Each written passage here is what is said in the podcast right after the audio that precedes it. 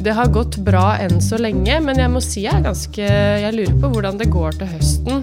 Nei, jeg er litt redd for at rentene ikke kommer ned igjen. Eh, så jeg har jo vært på en sånn Jeg for så vidt fortsatt en sånn slags rundtur nå med det budskapet da, om at eh, rentene kommer kanskje ikke så mye ned igjen. Opprinnelig siviløkonom, og så begynte jeg å jobbe da i DNB Markets som finansanalytiker. Og så skjønte jeg veldig fort at jeg var på feil hylle. Så da sa jeg til slutt opp jobben min, og så begynte jeg på Blindern. Etter det har jeg ikke sett meg tilbake. Det er liksom samfunnsøkonomi som er min greie. Der sto det 'hodling bitcoin', eh, og det var jo Det ble jo masse det, ble litt bråk internt i Handelsbanken. Jeg må jo kjøpe litt krypto, da, sånn at jeg har litt liksom skin in the game og veit litt mer hva det her går i. Bak fasaden med DJ og Rønne. En podkast fra Estate Media. Da er det tid for en ny episode av podkasten Bak fasaden med Dirjo Rønne. Eh, Og nå har jeg med meg Rønne. Silje Rønne er med. Eh, Hun har vært ute i permisjon en stund. Veldig godt å ha deg tilbake. Det er veldig hyggelig å være tilbake òg. Det er jo litt som å la barnet ditt være hjemme alene når du har styrt podden uh, de siste gangene. Ja. Men uh, jeg syns at du, du, har gjort en veldig fin, uh, fin jobb, altså. Jeg følte litt amputert. Eh, det mangla noe, så det er veldig bra å ha deg her. Eh, mitt navn er Dag Jørgen Saltnes. Eh, vi kommer fra Estate Media og gir ut denne podden. Og i dag har vi med oss Kari Due Andresen, eh, analysesjef i Akershus Eiendom. Ja, hun har over 20 års erfaring med finans- og samfunnsøkonomisk analyse. Hun har jobbet i Handelsbanken fra 2011 til 2021, og som sjefsøkonom fra 2015. Hun har tidligere vært seniorrådgiver eh, i avdelingen for pengepolitikk i Norges Bank, og har erfaring som finansanalytiker i DNB Markets. Var det en riktig introduksjon? Det stemmer veldig bra. Men Akershus Eiendom har vært et uh, selskap med, Det er litt høy, høyt uh, testosteronnivå har det vært der. Eh, hva tenkte du da du fikk tilbud om den jobben, og hva gjorde du da? Jeg er i grunn vant med høyt testosteronnivå. Jeg kommer fra finans. Der er det kanskje noe av det samme, så det var jeg egentlig ikke så veldig bekymra for. Eiendom eh, er vel muligens eh, ja, kanskje litt sånn lignende i forhold til hvor mange damer det er sammenligna med menn, så jeg jeg så i grunnen ikke for meg noen sånn stor uh, endring, og det, det har det jo da heller ikke blitt. Men uh, vi jobber med å få inn flere bra damer, da. Men hvordan var det å ta over? Jeg tenker sånn, Du tok jo over etter eh, Ragnar Eggen og de legendariske presentasjonene han har holdt. Ja. eh, jeg, det, det første spørsmålet jeg fikk i, da jeg liksom eh, holdt eh, presentasjon i kapasitet av den nye rollen da i Akershus Eiendom, var liksom Hvordan føles det å hoppe etter Wirkola? Jeg var en ganske tørrvittig fyr. Veldig bra fyr, ikke sant? og hadde jo egentlig blitt en institusjon i seg selv, kan vi kanskje si, i bransjen.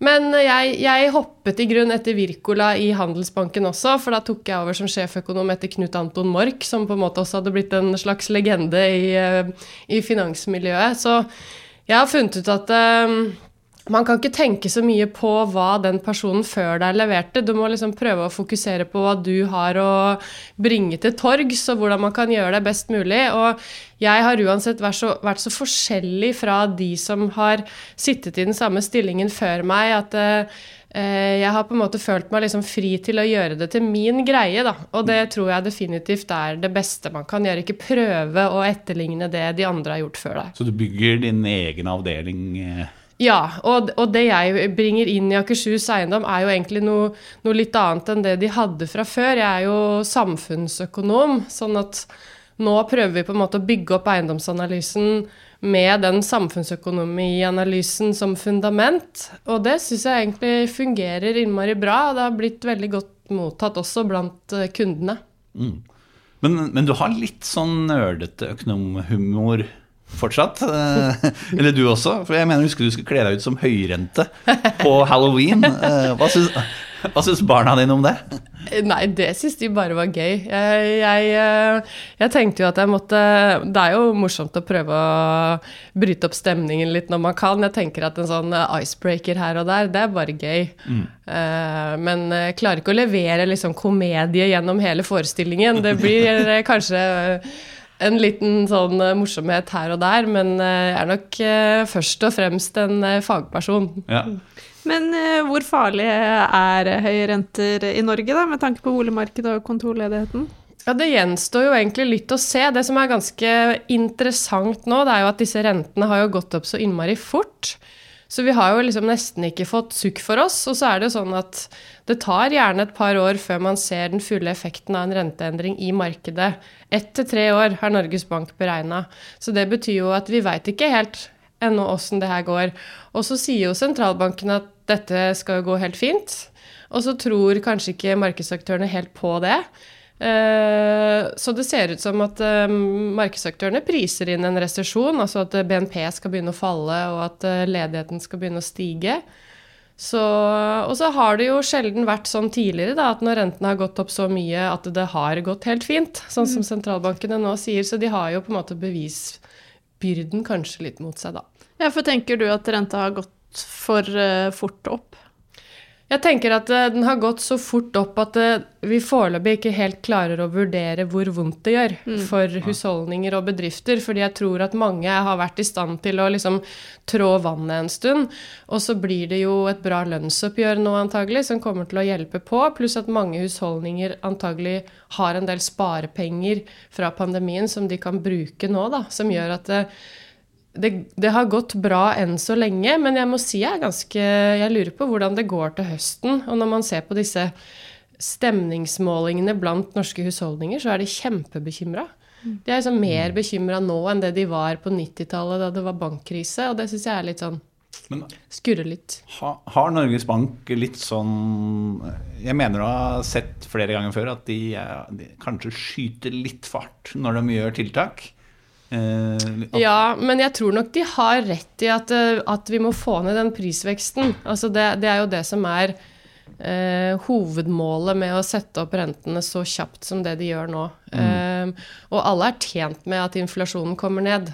Og da strammer de til helt inntil de mener at eh, det er nok. Og så er det utrolig vanskelig å vite når nok er nok.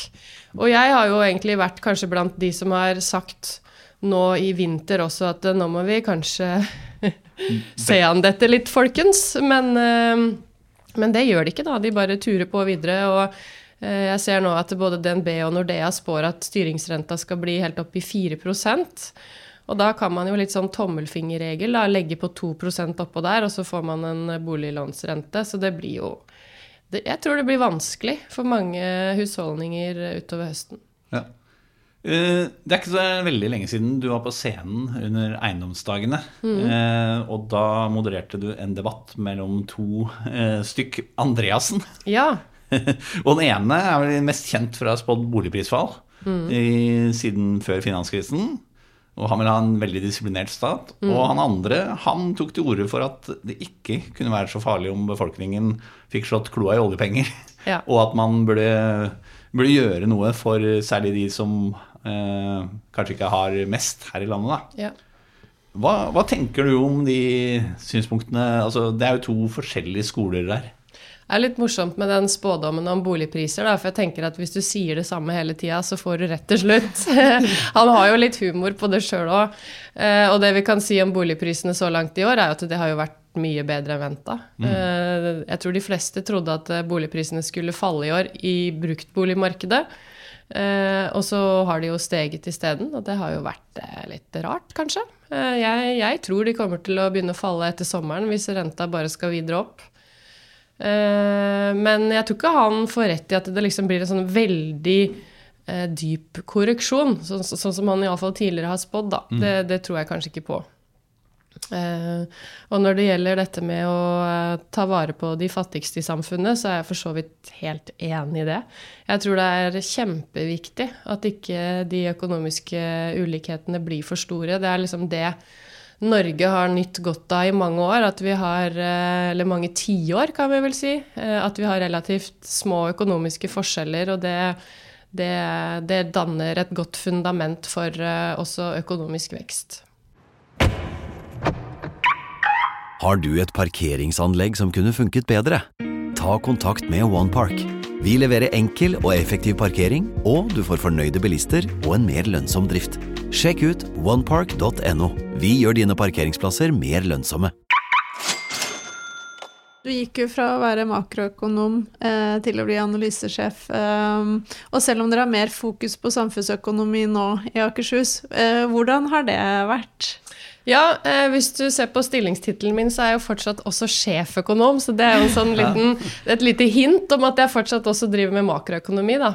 Så min stilling er egentlig todelt. Jeg bruker eh, sikkert halvparten av tida mi på fortsatt å følge med makroøkonomisk utvikling, og, og, snakker veldig mye om det, både med kunder og, og også media. Um, og jeg tror det er liksom en av mine styrker, at jeg fortsetter å holde på den. Og så driver jeg jo og lærer meg eiendomsmarkedet. Jeg, å, jeg kan en god del mer nå enn jeg kunne for halvannet år siden da jeg begynte, men det har vært en utrolig bratt læringskurve som ikke er ferdig. Men der har jeg heldigvis veldig flinke kollegaer som kan hjelpe meg veldig. Da. Så på analyseavdelingen så, så, drar vi jo dette lasset sammen. Så jeg forsøker å liksom få opp en del av de som har vært på avdelingen min, kanskje ikke vært så synlige, eh, til å ta mer plass og eh, gjøre en del også av den jobben på, på eiendomsanalysen. Er det noe som liksom har overrasket deg av bransjen sånn generelt? Jeg syns det er utrolig mye trivelige folk. Det var kanskje ikke overraskende. Men uh, veldig hyggelig. Jeg trives kjempegodt, og det jeg merker, er at det, uh, det jeg har å by på da, i form av den, den, samfunnsøkonomiske analysen, og forsøke å forklare det litt mer for, for uh, eiendomsaktører, det har vært veldig godt mottatt. Og jeg, jeg, har liksom følt at jeg er sånn on a mission med å spre mer kunnskap og forståelse om makroøkonomi i eiendomsbransjen. Og det, det tror jeg er Eller jeg syns iallfall det er et veldig meningsfylt prosjekt. Men, men det er nesten litt rart eh, hvis det er sånn at eiendomsbransjen kanskje har undervurdert og ikke sett så mye på det. For det er vel kanskje den bransjen som er mest eh, ja, alle, hvor det, hvor det er inn, alle er jo veldig påvirka av det, og eiendom er jo veldig kapitaltungt. Så sånn sett så, så, burde man jo kunne mye om renter, og man følger nok med, men ikke sant, det er det er litt sånn eh, Man har kanskje ikke så god tid til å følge med på alle mulige detaljer og drivkrefter og sånn innenfor samfunnsøkonomien, tross alt. For det er ikke det man driver mest med til daglig. Man driver jo med å utvikle en eh, eiendomsforretning. Så det å få litt sånn eh, fagekspertinput på det området, det blir tatt veldig godt imot. Vi har jo vært og snoket litt og sett på hva du har drevet med tidligere. Og da så jeg ja. at du hadde gått et sjefskurs ved Forsvarets ja. Eh, høgskole. Ja. Eh, og da var jeg litt sånn interessert i først hvordan det var, og hva du lærte der.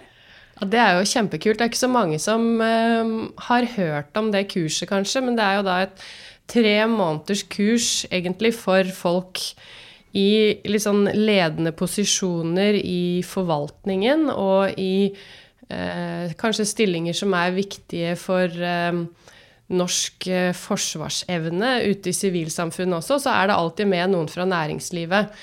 Og jeg var da sjeføkonom i Handelsbanken og tenkte egentlig at eh, ja, det er kanskje ikke helt kvalifisert for dette. Grunnen til at jeg i det hele tatt ble oppmerksom på kurset, var at eh, en venn av meg hadde gått der. Eh, og sa at Kari, dette her må du søke på, det er jo helt perfekt for deg. Uh, og, så, og, så, søkte jeg. Jeg trodde ikke jeg skulle komme med, men uh, det gjorde jeg, og det var kjempekult. Da får man et lite sånn uh, En kikk bak gardina, kan man kanskje si, i forhold til norsk forsvar og utenrikspolitikk, og hvordan vi agerer med verden, og hvordan vi forsvarer oss som land, både militært og sivilt. Og så får man et helt fantastisk nettverk. Det er da 30 personer som går på dette kurset to ganger i året. Eh, så jeg har jo fått mange nye venner. Man blir ganske tight eh, som gruppe i løpet av de tre månedene. Så For er det fulltid i tre måneder? Ja, fulltid. Så jeg måtte ha permisjon fra jobben i Handelsbanken mm. fra januar og til og med mars. da. Men det var utrolig kult. Da var vi rundt og besøkte alle forsvarsgrenene i Norge. Og vi var i Nato og snakka med Jens Stoltenberg, og vi var og besøkte EU, vi var i USA. Eh, nei, det var eh, fantastisk tre måneder. Utrolig lærerikt, og fikk mange eh, nye, eh, utrolig bra bekjentskaper. Men det var kun faglig, det var ikke noe sånn Kompani Lauritzen eh, Nei, det var ikke Kompani. Lauritzen. Vi hadde eh, Hva skal jeg si De siste tre dagene av kurset så hadde vi en samling på eh, eh, sentralanlegget, som på en måte er en sånn eh, inni en fjellhall. Og der fikk vi eh, gruppeoppgaver da, som vi skulle løse, som, som liksom var relatert til hva hvis vi havner i en krisesituasjon eller en krigssituasjon, hvor, hvordan løser man det?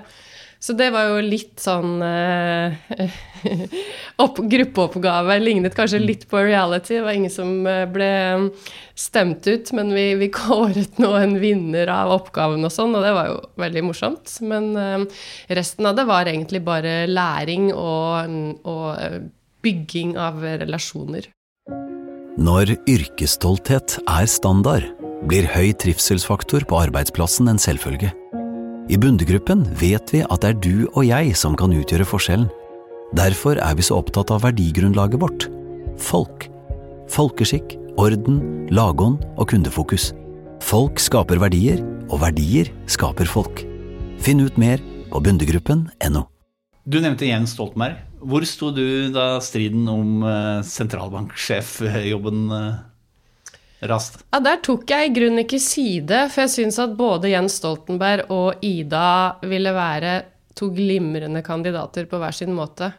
Eh, Jeg syns jo liksom Jens Stoltenbergs kandidatur eh, er vanskelig å, å hakke for mye på. Altså, det var jo ting som ble trukket fram av han, men jeg tror han hadde også vært en utrolig god sentralbanksjef. Så der, der hadde jeg på en måte ikke Jeg følte ikke at jeg trengte å ta side, for jeg syns at uansett hvem av dem det blei, så ville det vært en veldig god kandidat. Eh, Men Ida, som vi nå har fått, er jo sykt bra. Eh, utrolig faglig sterk. Kanskje den beste vi har hatt på, på faget hun driver med. Så det er uh, morsomt å se hvordan hun har uh, tatt den rollen der. For to år siden så la du ut en Twitter-melding ja. som fikk veldig mye oppmerksomhet. Hva, hva, hva sto det på den, og hva, hva skjedde da? Ja, der, der sto det 'hodling bitcoin'. Eh, og det var jo Det ble jo masse Det, det ble litt bråk internt i Handelsbanken. eh, Det og det ble jo masse medieoppmerksomhet.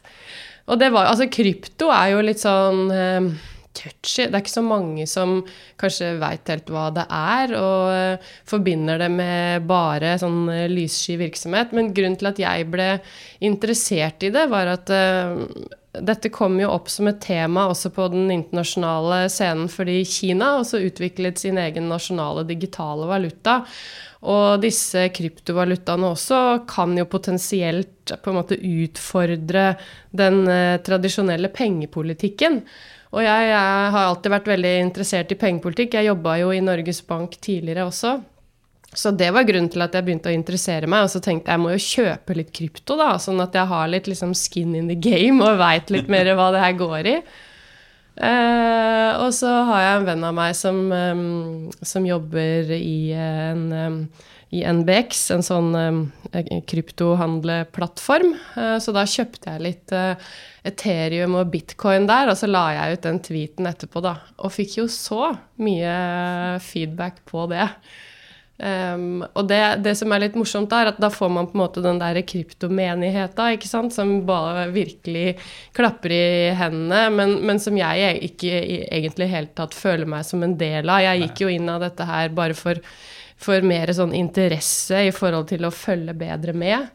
Mens uh, mye av den derre die hard-menigheten eh, har jo en del holdninger og forventninger som jeg tror er forholdsvis urealistiske. Så for min del så var det mer et prosjekt for å lære. Jeg har jo tapt masse, eller ikke masse penger, men, men den lille investeringen jeg gjorde, den har jo Tapt halvert seg. tapt masse prosent. Masse prosent. Ja, Men uh, disse gutta, for det er jo veldig ofte gutter, eller menn, unge det er overvekt av Ja. det. Ja. Uh, hvordan oppfatter du dem? Uh, du kalte det Die Hard Bitcoin-gjengen.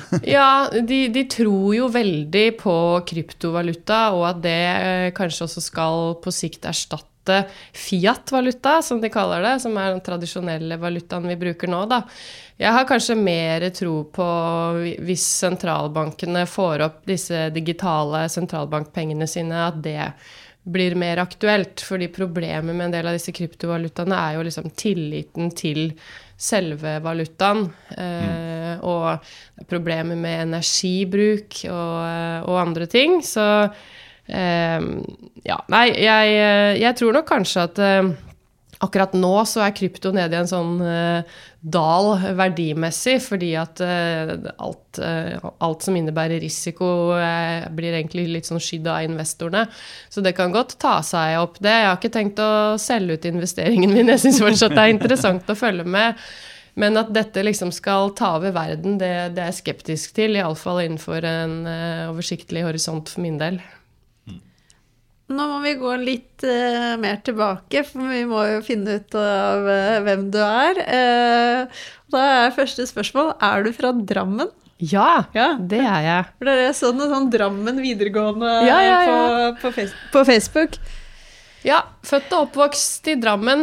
Ehm, gikk på Drammen videregående. Eh, og så flytta jeg til Bergen eh, i 1994. Begynte på Handelshøyskolen. Og etter det så har jeg i grunnen ikke bodd i Drammen, men foreldrene mine bor der fortsatt. Men du, du er siviløkonom? Eh, ja, opprinnelig siviløkonom, og så begynte jeg å jobbe da i DNB Markets som finansanalytiker. Og så skjønte jeg veldig fort at jeg var på feil hylle, rett og slett. Eh, og da jeg gikk i Bergen på NHH, så, så syns jeg jo alltid det var veldig kult med disse makro- og samfunnsøkonomifagene.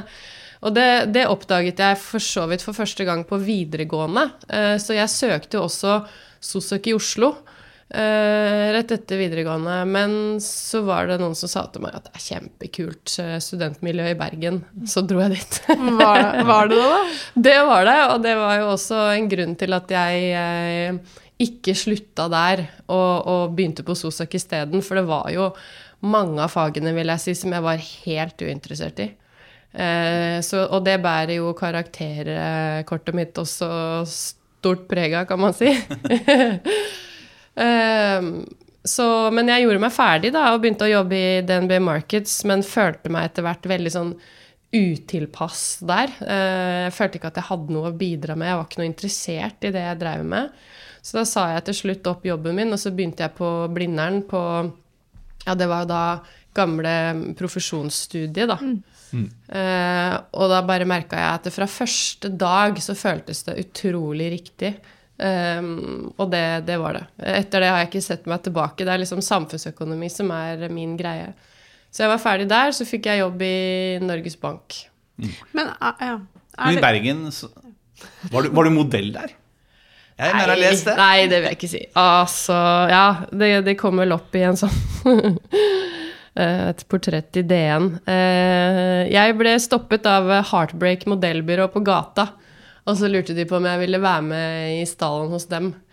Eh, og så gjorde jeg det, men eh, jeg har aldri vært spesielt eh, flink til å ta bilder eller vært spesielt fotogen, så det var liksom ble aldri den store karrieren. Jeg gikk noen sånne motevisninger og sånn, men jeg har jo aldri vært så veldig interessert i det. Eh, jeg syns jo det var morsomt mer som en sånn greie ved siden av studiene, men for meg var ikke det der noe verken noe gullgruve eller noe fokus. Uh, nei. jeg får jo litt sånn inntrykk av at du er en person som må drive med ting som du har eh, oppriktig interesse for. Ja, det er nok sant, og det vil jeg jo anbefale alle å gjøre, egentlig. Ja, men det, det, det, er jo mange som, det er jo mange som eh, kommer på jobb og tenker at eh, ser på klokka og gleder seg til eh, det blir fire og dra hjem. Ja. Så det er jo ikke noe som alle har det. Nei, jeg er klar over det. Jeg føler meg egentlig ganske heldig sånn sett, som har liksom funnet noe som jeg er så glad i å drive med. Og, og jeg kan jo også for all del gleder meg til eh, arbeidsdagen er slutt og, jeg, og at jeg skal hjem, for det kan jo bli mye noen ganger. Men eh, det som er bra da, er at jeg, jeg syns det er gøy allikevel, selv om det er mye. Og det, det hjelper. Eh, jeg så For jeg har skjønt du har en søster, Ja. og dere hadde et stressmestringskurs eh, i Akershus Eiendom for ikke så lenge siden. Ja. Eh, hvordan, hvordan var det, og hva lærte du da? Ja, søsteren min er akupunktør. Hun driver sin egen praksis uh, ute på Snarøya. Hun er uh, utrolig flink. Så har hun begynt med sånne enkle stressmestringskurs for bedrifter. Så vi inviterte henne inn til oss da, da vi hadde kickoff for analysegruppa. Så kunne hun eh, For det, som sagt, det kan jo være mye til tider. ikke sant? Veldig stressende hverdag. Vi har hatt mye å gjøre alle sammen, så jeg tenkte det kunne være hensiktsmessig at hun kunne komme inn og fortelle oss hvordan vi skal slappe av. Så vi lærte noen sånne ganske enkle triks for å, for å liksom både vende kroppen til å leve med stress og håndtere det bedre. Så det, det syns Jeg tror alle syns det var eh, veldig nyttig, så det kan jeg anbefale på det sterkeste. Er du stressa? Jeg føler meg ikke stressa, men jeg må nok anerkjenne at jeg er det innimellom. Jeg syns det kan være slitsomt å ha veldig mange baller i lufta samtidig som skal liksom lande sånn omtrent likt i tid, f.eks. Og det er det jo definitivt i noen perioder. Det kan jeg synes er slitsomt. Eh, men eh, sånn på det jevne så er jeg nok ikke så stressa. Dette er lyden av norsk næringsliv. Akkurat nå tas det små og store valg som kan bli avgjørende for fremtiden. Med økonomisystemet X-Ledger tas disse beslutningene basert på informasjon i sanntid, slik at drømmer og ambisjoner kan bli virkelighet. Få kontroll og oversikt, gå inn på xledger.no. Jeg syns jo det alltid det er morsomt når man googler et navn, og ser liksom sånn hva som kommer opp. Har du googla ditt eget navn? Vet du hva, hvilke søkeord som kommer opp da? Nei, jeg har ikke Nei. eh, men jeg har sett at jeg har en egen Wikipedia-side. Det er stas. det, tror jeg, det tror jeg skjedde etter jeg ble sjeføkonom i Handelsbanken. Eh, men grunnen til at jeg har googla meg selv, er egentlig eh, for å finne bilder. For det hender jeg trenger innimellom eh, til journalister og sånn. Men eh, nei, søkeord har jeg ikke tenkt noe på. Nei, da er det gift. Er noe okay. som veldig mange er opptatt av. Om det er jeg. Om du er gift. og så om du har barn. Ja. Eh, og det har du jo. Og så er det, er det DN eh, og Instagram. Å ja. Men Instagram tror jeg ikke du har. Jeg har ikke Nei? Instagram. Jeg er generelt sett ganske elendig på sosiale medier. Twitter har jeg holdt på en del på, fordi det er jobbrelatert. Nå i Akershus Eiendom så bruker vi ikke Twitter noe særlig, så den ligger litt brakk, den kontoen min. Eh, mens det er liksom mer LinkedIn det er fokus på, da, så der legger vi ut en del ting. Men jeg, jeg er generelt dårlig på sosiale medier, må jeg vel innrømme. Men hva gjør du når du skal slappe av, eller du har fri, eller hva er det du koser deg med da? leser jeg økonominyheter. Du leser økonominyheter? Rett og slett. Bloomberg er min eh, favorittkanal, sånn sett. Mm. Nei, jeg vet at det er veldig mange som bruker mye tid på sosiale medier, men jeg er liksom ikke helt Jeg vet ikke helt, jeg. Eh, det, det går nok litt på interesse, tenker jeg. Jeg er ikke helt eh, jeg er ikke helt der. Eh, Jeg syns det kan være morsomt å følge med på hva andre legger ut og sånn, men jeg bruker ikke veldig mye tid på det heller. Og jeg legger jo definitivt omtrent ikke ut noen ting om meg selv. Eh, Så det hender jo jeg har dårlig samvittighet for at jeg burde følge mer med på hva som foregår. Eh, Men eh, det er jeg litt dårlig på. Men eh, er du Du står på snowboard? Ja, Er du det gjør god? jeg. Nei, jeg vil si at jeg er habil. Jeg har stått i ganske mange år. men jeg begynner jo å merke at Jeg vet ikke når det skjer, om det er når man pusher 40 eller hva det er. At man liksom blir litt mer reservert, da. Så jeg driver stort sett med sånn eh, komfortkjøring nå. Eh, veldig fint hvis det er litt eh, løssnø, men eh, du finner meg aldri i parken lenger, f.eks. Så du har vært såpass god, ja? Nei, altså det vil jeg ikke si. Eh, jeg eh, Nei. Jeg, jeg drev og hoppa litt og sånn før, men ikke på de der big jumpene og sånn. Det var nok kanskje liksom litt mer framoverlent i den kjøringa for noen år siden. Da, da var vi en gjeng eh, som leide en hytte i Hemsedal, jeg dro stort sett oppover hver helg, så jeg kjørte ganske mye. Men jeg vil ikke si at jeg er sånn spesielt god, men jeg, kjører, jeg har bil, eh, snowboardkjører. Ja. Ja, det syns jeg, jeg er kult. For jeg har jo selv tenkt liksom sånn at etter en alder så må man begynne å stå alpint, for det er liksom det som er uh, normalen. Men jeg, jeg, jeg er også fortsatt en snowboardkjører, og får, Ja. jeg får liksom ikke de alpinskia til å Det blir liksom ikke samme greia for meg. Nei, vet du hva, jeg bytta ut skiene med snowboard eh, da jeg var par og 20. Og grunnen til at jeg gjorde det, var at jeg var liksom aldri noe god på ski. Vi kjørte ikke noe særlig på ski i min familie mens jeg vokste opp og sånn. Og så eh, på Handelshøyskolen så, så traff jeg etter hvert ganske mange som syntes det var gøy å, å dra og stå på ski. Jeg tenkte ja, pokker heller, da må jeg begynne med et eller annet nytt da, som det er liksom akseptert å være dårlig på. Så da begynte jeg med snowboard, og så lærte jeg meg det etter hvert. Og øh, ja, jeg har jo ikke vurdert å gå tilbake på de skia, for jeg orker ikke å drive og knote rundt. Jeg syns det er innmari gøy å kjøre snowboard. eh, Så jeg klarer meg med det. Det var litt sånn klønete med han eh, eldste sønnen min når han skulle lære seg å stå på ski, for da hadde jeg liksom han i sånn sele, og så sto jeg bak med brett. Det er jo ikke optimalt, men eh, det gikk, det òg. Men siden vi er så heldige å ha sjeføkonom i Akershus Eiendom her også, ikke Ja. bare analysesjef, men Nei. sjeføkonom, eh, så hadde det vært interessant å høre litt hvordan ser fremtiden ut for norsk økonomi? Ja.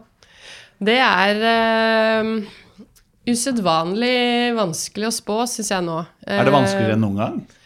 Ja, vi har jo noen eh, episoder bak oss som har vært ganske ekstreme, altså med, med pandemi, og vi har krig, og det er eh, uvanlig store markedsutslag som følge av det, som nå er etter hvert er i ferd med å fikse seg, da. Men vi har jo fått denne veldig høye prisveksten, som gjør at vi har fått kjempehøye renter. Eh, og så går det jo fortsatt bra med norsk økonomi. Vi får jo inn arbeidsmarkedstall som egentlig er overraskende gode. Samme gjelder jo også i USA. Og det styrker på en måte sentralbankenes case kanskje om at eh, ja, kanskje går dette her helt fint, da, at det blir en myk landing. Men eh, det er veldig sjelden, eller kanskje jeg vet ikke om man skal si umulig, å liksom styre økonomien inn i en myk landing. Det er eh, en ekstremt vanskelig balansekunst, og man ser jo at markedet tror ikke helt på det. Tror heller at det blir resesjon. Eh, Jeg syns det er litt vanskelig å, å skulle spå, men, men det kommer til å bremse opp framover, tror jeg vi kan være ganske sikre på. Men e- eiendomsbransjen som er så rentesensitiv, da, det, det er nesten litt dårlig nytt for dem det med myk landing, for da kommer jo ikke rentene ned igjen. Nei, jeg er litt redd for at rentene ikke kommer ned igjen. Eh, Så jeg har jo vært på en sånn Jeg for så vidt fortsatt en sånn slags rundtur nå med det budskapet da, om at eh, rentene kommer kanskje ikke så mye ned igjen. Eh, Og da får vi Det har noen klare implikasjoner for eh, eiendomsbransjen og næringseiendom som jeg eh, sitter med nå. Jeg tror de gildene skal videre opp, og verdiene skal videre ned, dessverre. Hvordan er reaksjonene til de du snakker med? Er det mange som er ordentlig bekymra nå, eller hvordan er det du oppfatter det? Ja, det er mange som er bekymra, og, så- ser vi jo det at eh, transaksjonsmarkedet er kjempetreigt. Eh, det går jo mye færre transaksjoner nå enn det det normalt gjør. Og det er vanskelig for selger og kjøper å bli enige om pris. Det virker som selger eh, liksom holder igjen og, og kanskje har en tanke om at eh, at rentene kommer ned, da, sånn at eh, verdiene skal se bedre ut eh, litt nedi veien. Mens eh, kjøper peker på de høye finansieringskostnadene og sier at det, dette klarer vi ikke å regne hjem. Så, og da skjer det veldig lite. Og så er det mange av de som sitter på eiendom som jeg snakker med, som sier at ja, men dette er vi jo helt enig i. Så sier de også at men vi trenger ikke å selge nå. Eh, og da sitter man heller stille i båten. Og jeg tror det er ganske mange som har ehm, tatt et skritt tilbake nå og rett og slett bare ser an utviklingen fordi man er så veldig usikker på hvor dette skal. Men er det litt sunt for bransjen også? For jeg tenker det har jo vært en bransje der det har vært eh, Hva skal jeg si eh, Ting har gått eh, veldig bra i veldig mange år. Ja, eh, og det som er utrolig spennende nå, det er jo at vi har en periode bak oss hvor rentene har falt, trenda nedover i rundt 30 år. Eh, Og nå nådde de bånd under pandemien. Eh, Og da kommer det på en måte ikke lenger ned. Så det var, sånn som jeg tenker det, da, så, bra som det blir.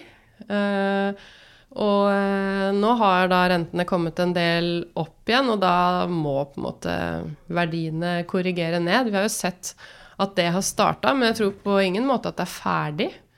Eh, nå så vi at eh, store eiendomsselskap i Sverige, SBB, ble nedgradert. Med fortsatt på negativ watch, sånn at de kan bli videre nedgradert. Og det er vanskelig for mange selskaper nå å skaffe finansiering. Det er blitt veldig dyrt. Så eh, jeg tror at det må en videre utrenskning til. eh, At vi kommer til å se Hvor lang tid det tar, er jeg veldig usikker på. fordi som sagt, nå, nå, nå foretrekker folk å ikke gjøre noen ting. Så, men etter hvert så er det kanskje noen som må, da. Hva med boligmarkedet? Ja, det også er jo veldig interessant. Altså, hvis man ser på nyboligmarkedet, så har jo prisene fortsatt å stige. Og det eh, kan jo kanskje virke noe pussig, men det har jo med at eh, byggekostnadene har fortsatt å stige. Så hvis du skal selge en leilighet uten å gå med tap, så må du ha høyere pris. Men da har jo samtidig omsetningen gått markant ned, da. Og er jo 30-40% lavere enn det den var i fjor.